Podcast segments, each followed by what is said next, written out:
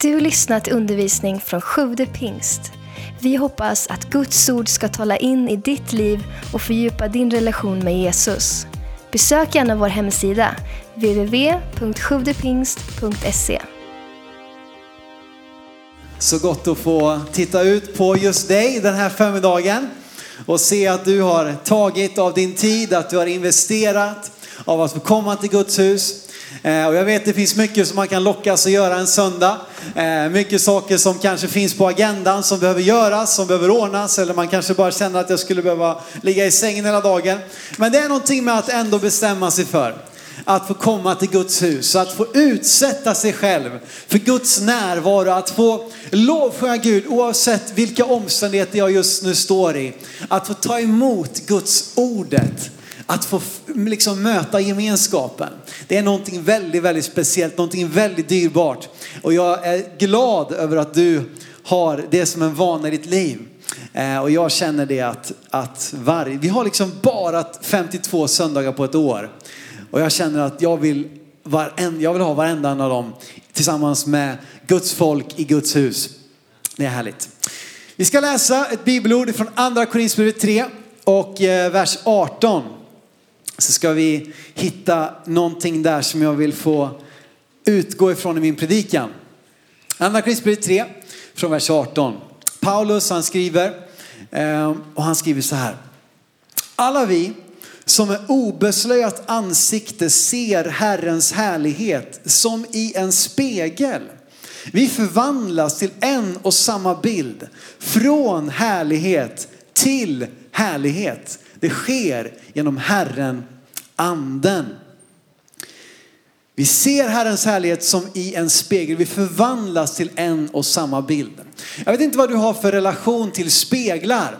Eh, säkert så, så har vi lite olika relationer. Det finns säkert de som älskar att vara framför spegeln, spenderar lång tid där varje dag eh, och fixar sig eller kanske bara står där och njuter. Vad vet jag. Eh, och det här kanske är en sån här sak som, eh, nu kanske inte det är någon som räcker upp handen åt sig själv, men någon skulle kunna peka ut någon annan och kunna säga ja, jo, det är han, det är hon.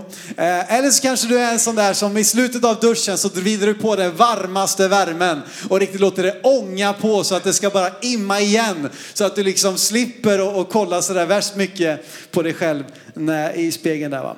Jag vet inte vart du befinner dig i eller om det överhuvudtaget relaterar till dig men spegeln kanske bara liksom är en, en, en informationskälla. Ja, det ser ut så här. Det är bra. Jag vet inte. Men oavsett vilket så har alla speglar en sak gemensamt. Eh, I alla fall om den, om den fungerar så att säga. Det är ju att den reflekterar det som den har framför sig. Det är ni med på. Det är lite djupt så här på söndag förmiddag, hoppas att du klarar av det. Spegeln reflekterar det som är framför spegeln. Och i djupare mening kan man då fundera på utifrån det här bibelordet, vad är det som våra liv reflekterar? Vad är det som syns utifrån våra liv? Vad möter människor? Vad ser människor när de ser mig? Och nu handlar inte det, nu pratar inte det, nu tänker jag inte liksom på hur, om du har glasögon eller om du har brunt hår eller så, men vad är det liksom i djupare mening de ser, vad är det de möter när de möter dig, när de möter mig? Mina vänner, min familj, mina arbetskamrater, mina skolkompisar, eh, min församling, min nästa. Vad är det de ser? Vad är det de möter när de möter mig? Det kommer primärt att påverkas av vad du har framför dig. Vad du utsätter dig själv för. Vad du tar intryck ifrån, vad du spenderar tid med. Det är det som sen kommer reflekteras när du också möter din nästa, din medmänniska. Det kommer att påverkas av vad du har varit framför så att säga. Och eh, Paulus här, han talar om ett livsförvandlande möte eller ett encounter. Vi har ett encounter eh, här i kyrkan som vi talar om ett gudsmöte. Och Paulus talar om ett gudsmöte där vi kan förvandlas till Guds spegelbild. Där mitt liv kan börja återspegla Gud själv. Att det är honom som människor ser när de ser, när de möter dig och mig i våran vardag. Eh, och jag tycker det är så fantastiskt att det här är ett erbjudande på något sätt. Att vi kan få möta, vi kan få se, vi kan få uppleva Guds härlighet och förvandlas till samma bild. Att vi får vara lika Gud, att vi får vara en avtryck, eh, en spegelbild som för fram smaken, som för fram färgerna utav Gud till vår omgivning. Och som sagt, så är det så att Gud, han vill inte bara ge dig goda levnadsprinciper. Han vill inte bara ge dig liksom eh, kunskap och ge dig ett svar på vad meningen med livet är. Utan han vill, han vill liksom påverka hela dig. Hela din tillvaro. Han vill förvandla dig. Och vår vision i den här kyrkan det är förvandlade liv. Och det är någonting vi ser varje gång en människa tar emot Jesus så går vi från mörker till ljus. Eh, men det är också en förvandling som, som pågår här livet. Och den förvandlingen ska ske till Jesu avbild. Jag vet Sven brukar skoja lite ibland och, och, man kan säga så här till en kyrka att ja men vill ni att alla ska bli likadana i den här kyrkan? Vill ni, ska alla bli? Absolut. Alla ska vara likadana. Alla ska vara lika Jesus. Det är det som är målet. Och det handlar inte om vilka kläder man har på sig, vilken liksom, om man har tatueringar eller inte, eh, hur gammal man är. Det är någonting djupare. Men vi vill att alla ska förvandlas och bli lika Jesus. På det sättet vill vi alla bli lika. Och vi är på väg i samma riktning. Hela Jesu liv var en reflektion utav Fadern. När människor såg Jesus, då såg de Gud. Det var ingen tvekan om det. Människor sa gång på gång att det var någonting som var skillnad med Jesus eh, kontra de andra lärarna och rabbinerna som stod upp och undervisade lagen. Men när Jesus gjorde det så var det någonting annat som hände. När Jesus gick genom staden så såg de någonting annat. Därför att han hade spenderat tid med Fadern själv. Han var en reflektion, en spegelbild utav Gud. Och frågan är som sagt, vad återspeglar ditt liv? Vad återspeglar mitt liv? Och nu har han gett det här uppdraget, den här rollen av att vara en bild av Gud till vår värld. Den har han gett vidare till dig och mig som är hans lärjungar. Han har sagt att vi ska nu gå ut och göra alla folk till lärjungar. Vi ska nu gå ut och vittna om vem Gud är. Och vi ska vara lika Jesus i att reflektera Gud genom våra liv. Och jag, det finns en sån sanning i slutet av den versen vi läser. Det står nämligen att det sker genom Herren, anden. Det är genom andens verk, den helige ande, den tredje personen i treenigheten som det här kan ske. Vi är helt beroende av andens liv, andens verk i oss för att vi ska kunna bli lika Gud. Jesus undervisar om det i Johannes 16. Och han säger så här om den heliga anden, han berättar att jag ska snart lämna er, jag kommer inte vara här för evigt, men det kommer att komma en annan hjälpare, nämligen den heliga ande. Och så säger Jesus så här, Johannes 16 och 13. När han kommer, sanningens ande, då ska han leda er in i hela sanningen. Han ska inte tala av sig själv, utan bara tala det han hör.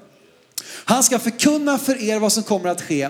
Han ska förhärliga mig. För han ska ta av det som är mitt och förkunna för er. Anden förhärligar Jesus. Det är hans jobb, det är hans uppdragsbeskrivning. Att han ska göra Jesus synlig. Och han vill göra det genom dig och mig. Anden har blivit oss given för att uppenbara Jesus. Men också för att hjälpa oss som hans folk, som hans församling, varje människa som kallar sig kristen, att bli den där spegelbilden, den där reflektionen av Gud. Så att människor kan se vem Gud är genom att de möter dig och mig. Inte på ett sätt som att vi ska vara perfekta, fullkomliga, det är inte det det handlar om. Men att vi bär på någonting i våra liv. Att människor ser någonting i oss som, som, som bara på något sätt bär på ett, ett frö av gudslikhet. Som på något sätt uppenbarar vem Gud är, vem Jesus är. Och han vill använda dig och mig. I Matteus 7 så hittar vi en annan bild på det här. Eh, som inte bara då talar om vad som speglas i våra liv utan här använder Jesus en annan bild när han talar om frukt i våra liv. Han säger så här i Matteus 7 från vers 16. Han säger att på deras frukt ska ni känna igen dem. Man plockar väl inte vindruvor från törnbuskar eller fikon från tistlar. Så bär varje gott träd god frukt, men ett dåligt träd bär dålig frukt. Ett gott träd kan inte bära dålig frukt, inte heller kan ett dåligt träd bära god frukt. Så om du vill bära god frukt så behöver du bli ett gott träd. Då kommer du inte vara ett dåligt träd som bär dålig frukt jag känner att jag kom in i så här Lasse Nylén-logik när han predikade. Det var alltid väldigt tydligt och klart när han predikade. En underbar vän som är hemma hos Jesus nu. Då var det alltid tydligt. Jag älskar, en predikan jag hörde av honom eh, som, som jag för alltid kommer att komma ihåg. Det var väldigt lätt att komma ihåg. För han, I 35 minuter så sa han så här. Gör det som är rätt så kommer du inte göra det som är fel. Och gör det som är rätt så kommer du inte göra det som är fel. Så gör inte det som är fel för då kommer du inte göra det som är rätt. Så gör det som är rätt så kommer du inte göra det som är fel. Så han på sig det här i lite olika varianter i 35-40 minuter. Eh, och jag kommer ihåg den predikan än faktiskt. Och så är det också här, det är, det är en väldigt tydlig eh, bild här att av frukten känner man trädet. Vad bär våra liv för frukt? Vad är det som kommer ut ur våra liv? Eh, och det är en utmaning. Och några få kan avgöra ett, ett träds eh, ursprung genom att studera barken, löven, kanske liksom skrapa lite på ytan och slicka lite på saven och säga mm, det där var den och den. Men desto fler kan ju bestämma ett träd genom att se frukten. Jag tror skulle vi alla här gå ut, då skulle några få här som har liksom lite skills och så i trädgårdskunskaper kunna titta bara på lövet och säga, ja men det är den här sorten. Men de flesta av oss skulle nog inte kunna det. Men hänger ett äpple där, då skulle de flesta av oss kunna säga att det är ett äppelträd, eller hur? Och vad är det för frukt som kommer i våra liv? Det är en väldigt liksom eh, utmanande tanke och väldigt ärligt. Det blir väldigt naket på något sätt. Ja, men är det god frukt eller är det dålig frukt? Och fruktens, eh, eller trädets, eh, grenens, fruktets, trädets, grenen skulle jag komma till. Grenens förmåga att bära frukt är ju fullständigt kopplat till dess koppling till stammen och till rötterna. Att näringen kommer, den kommer ju inte utifrån liksom längst ut på grenen. Näringen kommer ju ifrån djupaste rötterna. Där så plockar den upp näringen i jorden, vätskan och så tränger den här upp genom stammen ut till alla grenar och varje gren kan då få blomstra och bära frukt. Och likadant, att vi ska få se en frukt i våra liv som är Kristuslik, så måste vi ju vara kopplade till Kristus. Vi måste vara nära honom. Det sker genom Herren anden. Det är där vi måste utsätta oss för hans närvaro. Vi måste präglas av hans avbild för att frukten som kommer ska vara en frukt som behagar Gud. Och Jesus han beskriver sig själv som en vinstock. Eh, att han är vinstocken eh, och att vi, när vi blir kristna, när vi tar emot Jesus i våra liv, inympas. Och du som inte vet vad inympning är kan gärna prata med min svärfar, han kan allt om det. Men det är alltså så att du kan ta ett litet skott ifrån vilket träd som helst i stort sett, om du tänker äpplen då. Eh, kan du ta ett träd från, eller skott från vilket äppelsort som helst och så skär du ett snitt och så skär du snitt på grenen du ska sätta dit den på och så lim, liksom, lindar du fast den med någon, någon, någon, någonting. Och så börjar den växa. Och så kan du ha ett och samma träd med liksom 20 sorters äpplen på. Eh, och på det här bildspråket så säger då Jesus att vi inympas in i det sanna, eh, sanna vinträdet, den sanna vinstocken som är han själv. Så vi ska inte starta vår egen grej utan vi blir en del av någonting som har pågått i lång, lång tid. Eh, och som, som vi får komma och bli en del utav. Och där får vi växtkraft. Där får vi möjligheten att bära frukt. Jesus säger, Johannes 15, det här hela här, eh, början på det här kapitlet handlar just om den här bilden på, på honom som vinstocken. Han säger så här i vers 4 och 5.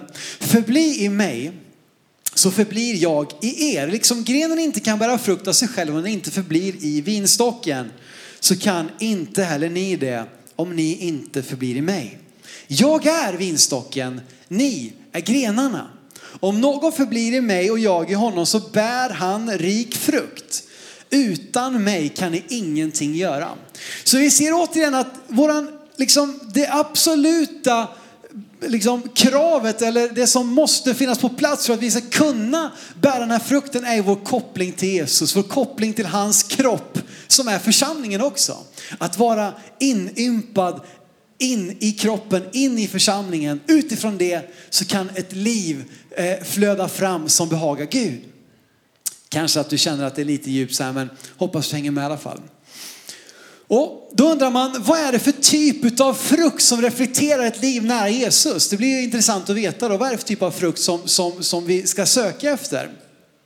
Ja, här måste vi förstå att det handlar inte enbart om att vara, vara bäst på det man gör, att ha en bra talang, att ha, att ha många gåvor. Därför att det är en väldig skillnad på kompetens och karaktär. Eh, och, och, här, det är så sätt, det är skillnad på gåvor och karaktär. Alltså det är skillnad på vad vi kan göra, vad vi kan åstadkomma och liksom hur vi gör det. Och det, jag, jag, tycker det är ganska intressant att läsa om, om församlingen i Korint. Eh, vi ska läsa ett bibelord från första Korinthierbrevet kapitel 1. Där Paulus inleder det här brevet med att hylla deras karismatik, hylla deras förmågor, hylla deras gåvor. Och vi ska läsa om det eh, och eh, vi gör det nu helt enkelt. Första Korinthierbrevet 1 från vers 4. Paulus säger så här, jag tackar alltid min Gud för er för den Guds nåd som ni har fått i Kristus Jesus. I honom har ni blivit rika på allt, på allt tal och all insikt eftersom vittnesbörd om Kristus har fått stadigt fäste hos er. Därför saknar ni inte någon nådegåva medan ni väntar på att vår Herre Jesus Kristus ska uppenbaras. Hyfsat hyllningstal, hyfsat tacktal. Han hyllar den här församlingen. Och sen spenderar han nästan resten av brevet åt att korrigera vad som är fel. Och han säger till och med i kapitel 11 att deras sammankomster är mer till skada än nytta. Och då är det någonting som saknas. Samtidigt hade de all, all tal, all insikt, alla andliga gåvor på plats. Men de saknade någonting annat. De saknade karaktär. De saknade en, en frukt som behagade Gud. Ett, ett utlopp, en attityd. Hur de gjorde sakerna på, hur de samlades. De samlades och firade nattvard, men det gick fel till. De hade andens gåvor i funktion, men det var ändå inte behagligt för Gud. Det fanns mycket att jobba på. Och andens gåvor, karismatik och talang behöver inte betyda att man är en andligt mogen person. Vi kan ha alla de här gåvorna, alla de här talangerna, men ändå sakna en andlig mognad. Vi behöver en karaktär som, som sen då blir en plats för våra talanger att fungera i. Det får bli en trovärdig plats för våra talanger och gåvor att fungera i. Och det är så lätt att hänföras av talang och förmågor. Eh, liksom att wow, han är så duktig på det där. Eller wow, hon är så grym på det där. Men om inte det bottnar i en karaktär, i en frukt som är liksom eh, av andlig mognad så kan det gå väldigt fel. Andens gåvor skulle man kunna beskriva som Guds förmågor, vad han kan göra. Och det är helt fantastiskt att dessa gåvor har blivit tillgängliga för oss. Tänk att du och jag kan få, få del av Guds förmågor. Vi kan få fungera i andens gåvor. Vi kan få höra ifrån Gud och få förmedla profetiska budskap. Vi kan lägga händerna på de sjuka så att de blir friska. Vi kan få eh, liksom fungera i alla de olika gåvorna. Och det är underbart. Men vi behöver inte bara Guds förmågor, vi behöver också Guds karaktär. Och det är det som Paulus beskriver som andens frukt. Eh, och precis som andens gåvor så är de nio till antalet. Det är någonting med talet nio och den heliga ande, men det får vi gå in på en annan gång. Eh, och vi ska läsa om dem, den frukten som jag tror att Gud vill ska flöda ut i våra liv som blir liksom till behag, som, som vittnar om ett moget liv, som vittnar om eh, eh, en god frukt i våra liv. Paulus skriver så här i Galaterbrevet 5. Han säger att andens frukt däremot är kärlek, glädje, frid, tålamod, vänlighet, godhet, trohet, mildhet, självbehärskning. Sådant är lagen inte emot. Vad skönt. Du kanske undrar ibland om du liksom eh, gör saker som är Guds vilja eller inte. De här sakerna är Gud inte emot. De här sakerna är inte lagen emot. Att vara god, mild, trogen, att ha självbehärskning, att vara tålmodig, att visa kärlek, glädje, frid. Eh, och dessa egenskaper är den frukt som kommer utifrån ett liv nära Jesus genom den heliga ande. Det visar en andlig mognad. Och jag tror att det är så viktigt att vi inte bara söker andens gåvor, vi ska göra det. Vi uppmuntras till det, att söka ivrigt andens gåvor. Men vi behöver också söka och tillåta oss själva att förvandlas till den här spegelbilden. Där andens frukt är det som syns i våra liv. Och där får, som sagt, andens gåvor också och våra talanger, våra förmågor, de får en bra miljö att vistas i. Och någon har sagt så här att när man ska anställa någon eller, eller hitta en bra liksom, teammedlem så kan man utgå ifrån tre stycken K. Nummer ett, karaktär. Börja med att titta på personens karaktär. Titta därefter på personens kompetens. Och till sist också är det viktigt med kemi. Att det kommer funka, att vi funkar tillsammans. Men allt för ofta lockas vi att börja med att kolla på människors kompetens och så är vi beredda att skarva, att kompromissa ganska mycket med deras karaktär. Därför att kompetensen är så liksom eh, förtrollande kanske. Men vi måste nog, liksom, man får göra den, varje gång man, man lockas in i den här fällan så kommer det ofta tillbaka efteråt. Vi måste börja i karaktären, därefter se kompetensen och så är det också viktigt att vi har en bra kemi, att vi funkar bra tillsammans.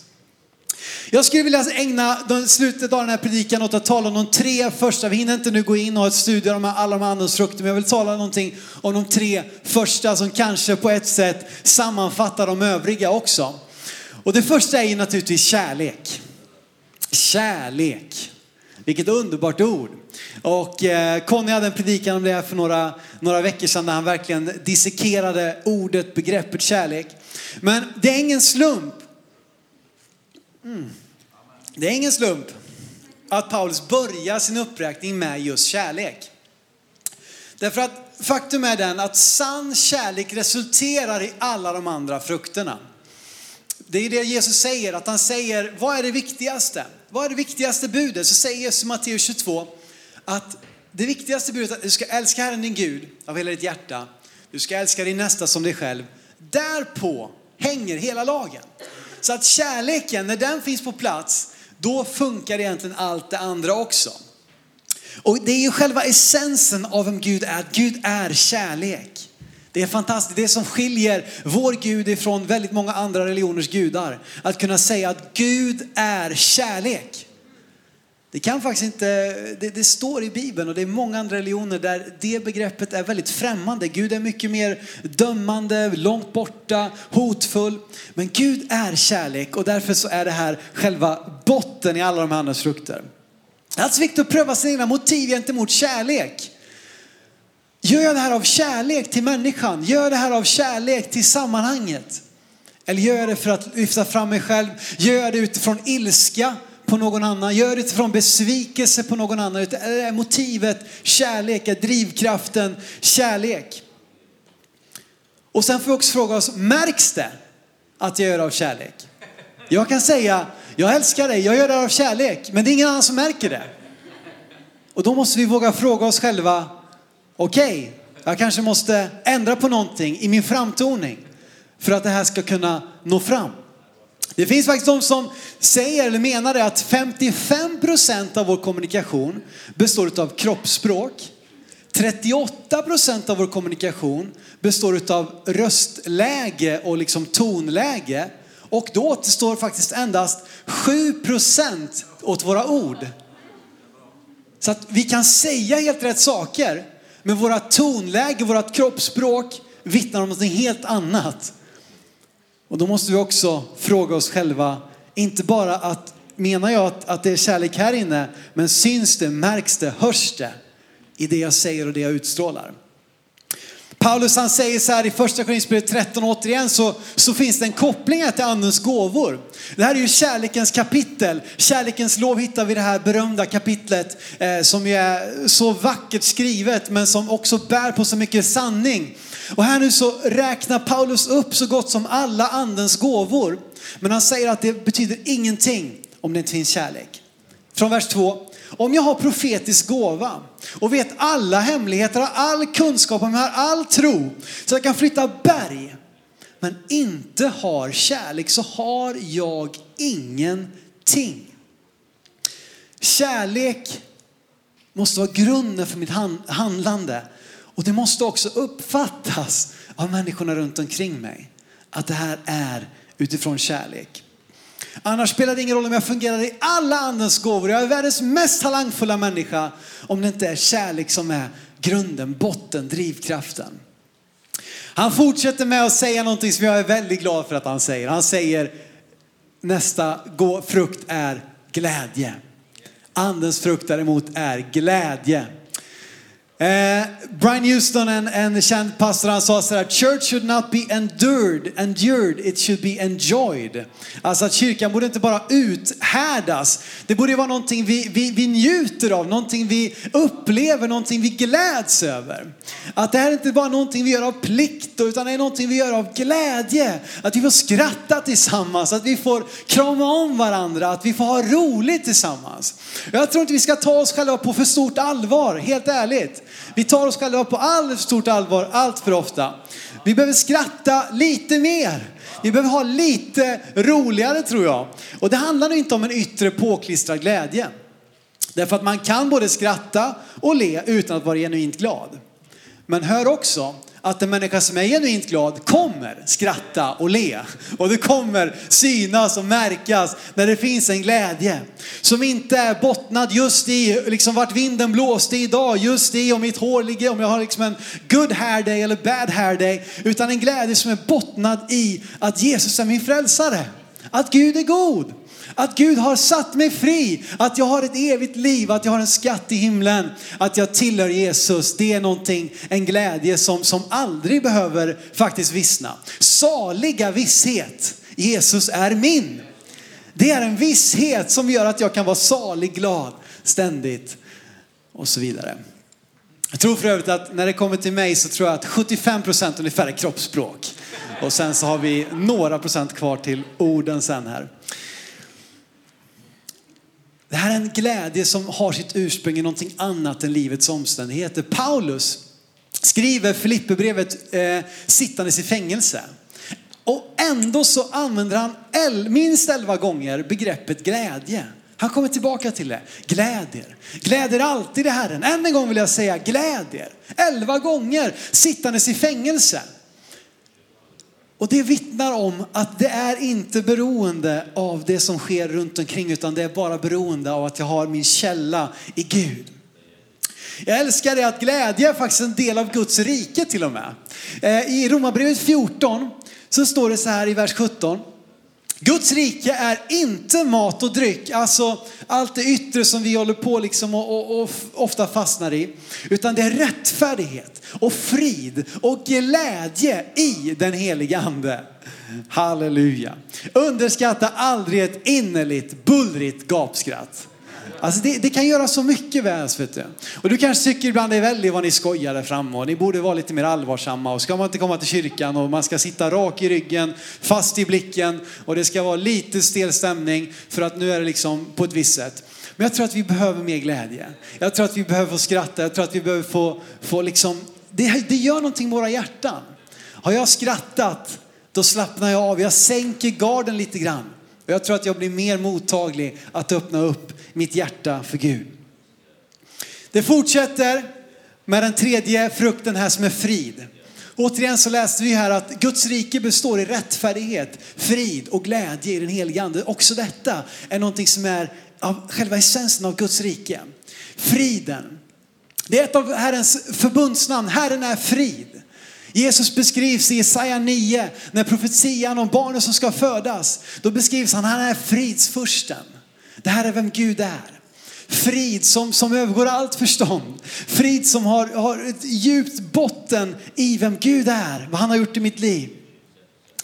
Och när Paulus undervisar om andens frukt så sätter han också motsatsen. Vad är motsatsen till andens frukt? Och det beskriver han som köttets gärningar. Och flera av dem står i direkt kollision med frid. Här bara här några av dem som står i, som köttets gärningar. Fientlighet, gräl, avund, vredesutbrott, splittringar. Direkt kollisionskurs med frid. Om detta börjar bli utloppet i våra liv, då måste vi hitta tillbaka till Guds frid. Att det är det som får vara en frukt i mitt liv. Och det har sin källa i den helige ande. Och, också så, om du går här och bär på en oro så kan du kasta det på Gud. Han ersätter din oro med frid. Återigen, oberoende av dina omständigheter i livet. Dina omständigheter kan vara tuffa, otroligt tuffa. Jag inser att jag har haft ett välsignat liv och jag har, när jag möter och jag pratar liksom ständigt med människor som, som beskriver sådana fruktansvärda livsöden, som beskriver sådana situationer i sina relationer, i sina familjer, arbetsplatser, människor som har flytt, lämnat sitt hemland. Jag inser hur otroligt lyckligt lottad jag är, hur, hur tunt det kan låta när jag står där fram och säger att du kan få frid oavsett vad. Men att också få möta alla dessa människor och se att mitt i det där så vill Gud ge dig sin frid. Mitt i det där som ser omöjligt ut vill han ge dig av sin frid. Filipperbrevet 4, vers 67. Jesus säger, Paulus skriver, bekymra inte för något. Låt Gud få veta alla era önskningar genom bön åkalla med tacksägelse. Då ska Guds frid, som övergår allt förstånd, Bevara era hjärtan och era tankar i Kristus Jesus. Kasta dina tvivel på Gud. Kasta din oro på Gud. Tala om för honom vad du bär på. Så vill han ta det på sig. Han har gjort det redan på korset. Och så vill han istället ersätta det med sin frid. Någonting som också är spännande med andens frukt är att det här är ett sätt att höra Guds röst. Att hur ska jag kunna veta, hur ska jag kunna höra Gud tala? Det är en stor utmaning som många kristna kommer till förr eller senare. Hur kan jag veta om det är Gud som talar? Hur kan jag höra Guds röst? Och det finns säkert mycket man kan säga om det. Men jag tror att vi ofta gör det svårare än vad det kanske är. Och dels så tror jag att vårt samvete hjälper oss. Om vi har blivit födda på nytt, om vi har tagit emot Jesus i våra liv, så bor en helig ande på vår insida. Och jag tror att det här med samvetet hos en människa som har tagit emot Jesus i sitt liv, det är ju att vår, vi, vi vet tillsammans med den helige ande att få följa sitt samvete, att få lyssna till den inre rösten. Men jag letar också efter andens frukt när jag ska fatta beslut till exempel. När jag ska stå inför ett viktigt val så är det här en jättehjälp att leta efter andens frukt i mitt beslut, i vad jag ska gå. Känner jag och då primärt de här tre första, man kan säkert använda alla nio, men jag brukar återkomma till de här tre första. Kärlek, glädje, frid. Känner jag kärlek i den här situationen? Känner jag en glädje över det jag nu ska gå in i? Finns det en frid i mitt hjärta? Finns de här sakerna på plats så kan jag väldigt ofta ta mig an någonting, gå, gå in i någonting. Eller jag vill i alla fall ha två av tre. så att jag liksom, ja, men det kanske inte alltid är så att man känner allt det här, men i alla fall två av tre och gärna alla tre. Kärlek, glädje, frid. Det är också ett sätt att pröva allt. Vi, vi ska ju vara öppna för andens tilltal. Vi ska vara ledda av den helige ande. Och, och vi, vi uppmuntrar till att få fungera i det profetiska. Eh, eh, och, men i det här så säger också Bibeln och Paulus undervisar återigen om att vi måste pröva också allt. Första Thessalonikerbrevet 5. Förakta inte profetier, men pröva allt, säger han. Hur ska jag pröva det? Återigen används andens frukter.